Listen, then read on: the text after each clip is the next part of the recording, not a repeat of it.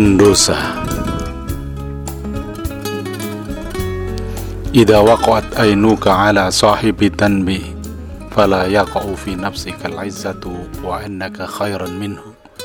Huwa futina wa anta bi rahmatillahi najauta. Fad'ullaha bil hidayah wa li nafsika bis sabat Ali bin Abi Thalib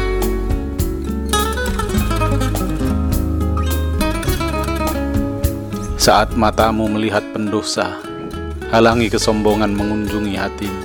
Jauhilah rasa aku lebih mulia darinya.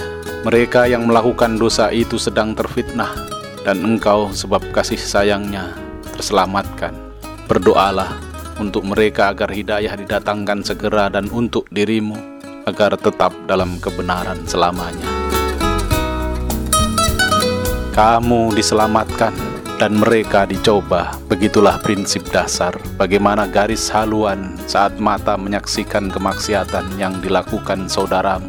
Iya, mereka yang sedang dalam ujian itu, yang dihadirkan di ruang dan waktumu, adalah ujian juga untukmu. Soalan untuk kau jawab dengan tepat dan benar.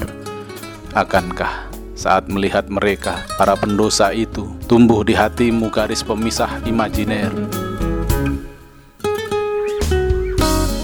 Kita dan mereka, aku dan kamu, kita yang baik dan mereka yang buruk, aku yang bersih dan kamu yang kotor.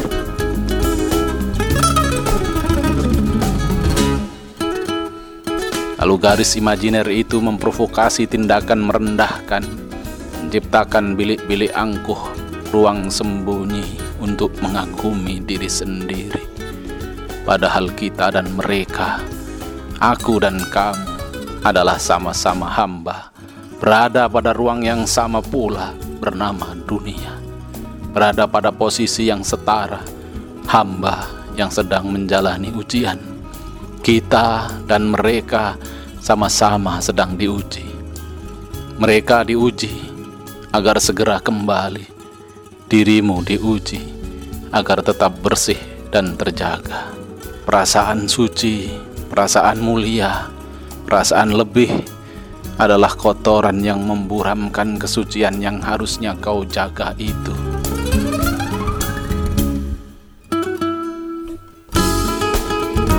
Jika kepada mereka para pendosa itu kita dianjurkan untuk tidak memandang hina, bagaimana pula tah kita dengan mereka yang semangat menjalankan ketaatan kepada Tuhannya? Kenapa? Kenapa masih pula ada cacian? Kenapa?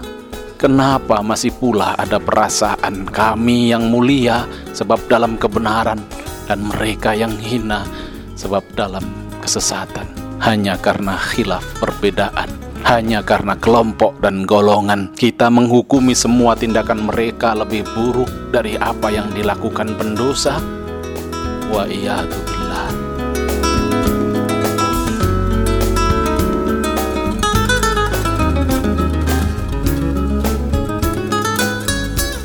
pegang teguh benarmu.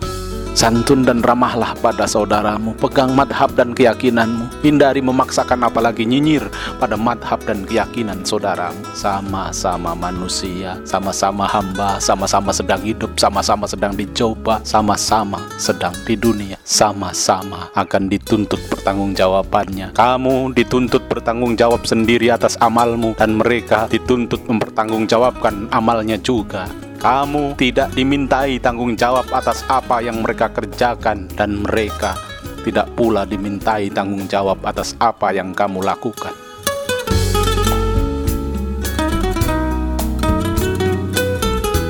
Berdamailah, berdamailah. Jangan sampai mimpi kita menebar kebaikan, namun yang ditampakkan justru keburukan. Temukan cara indah memperbaiki keadaan.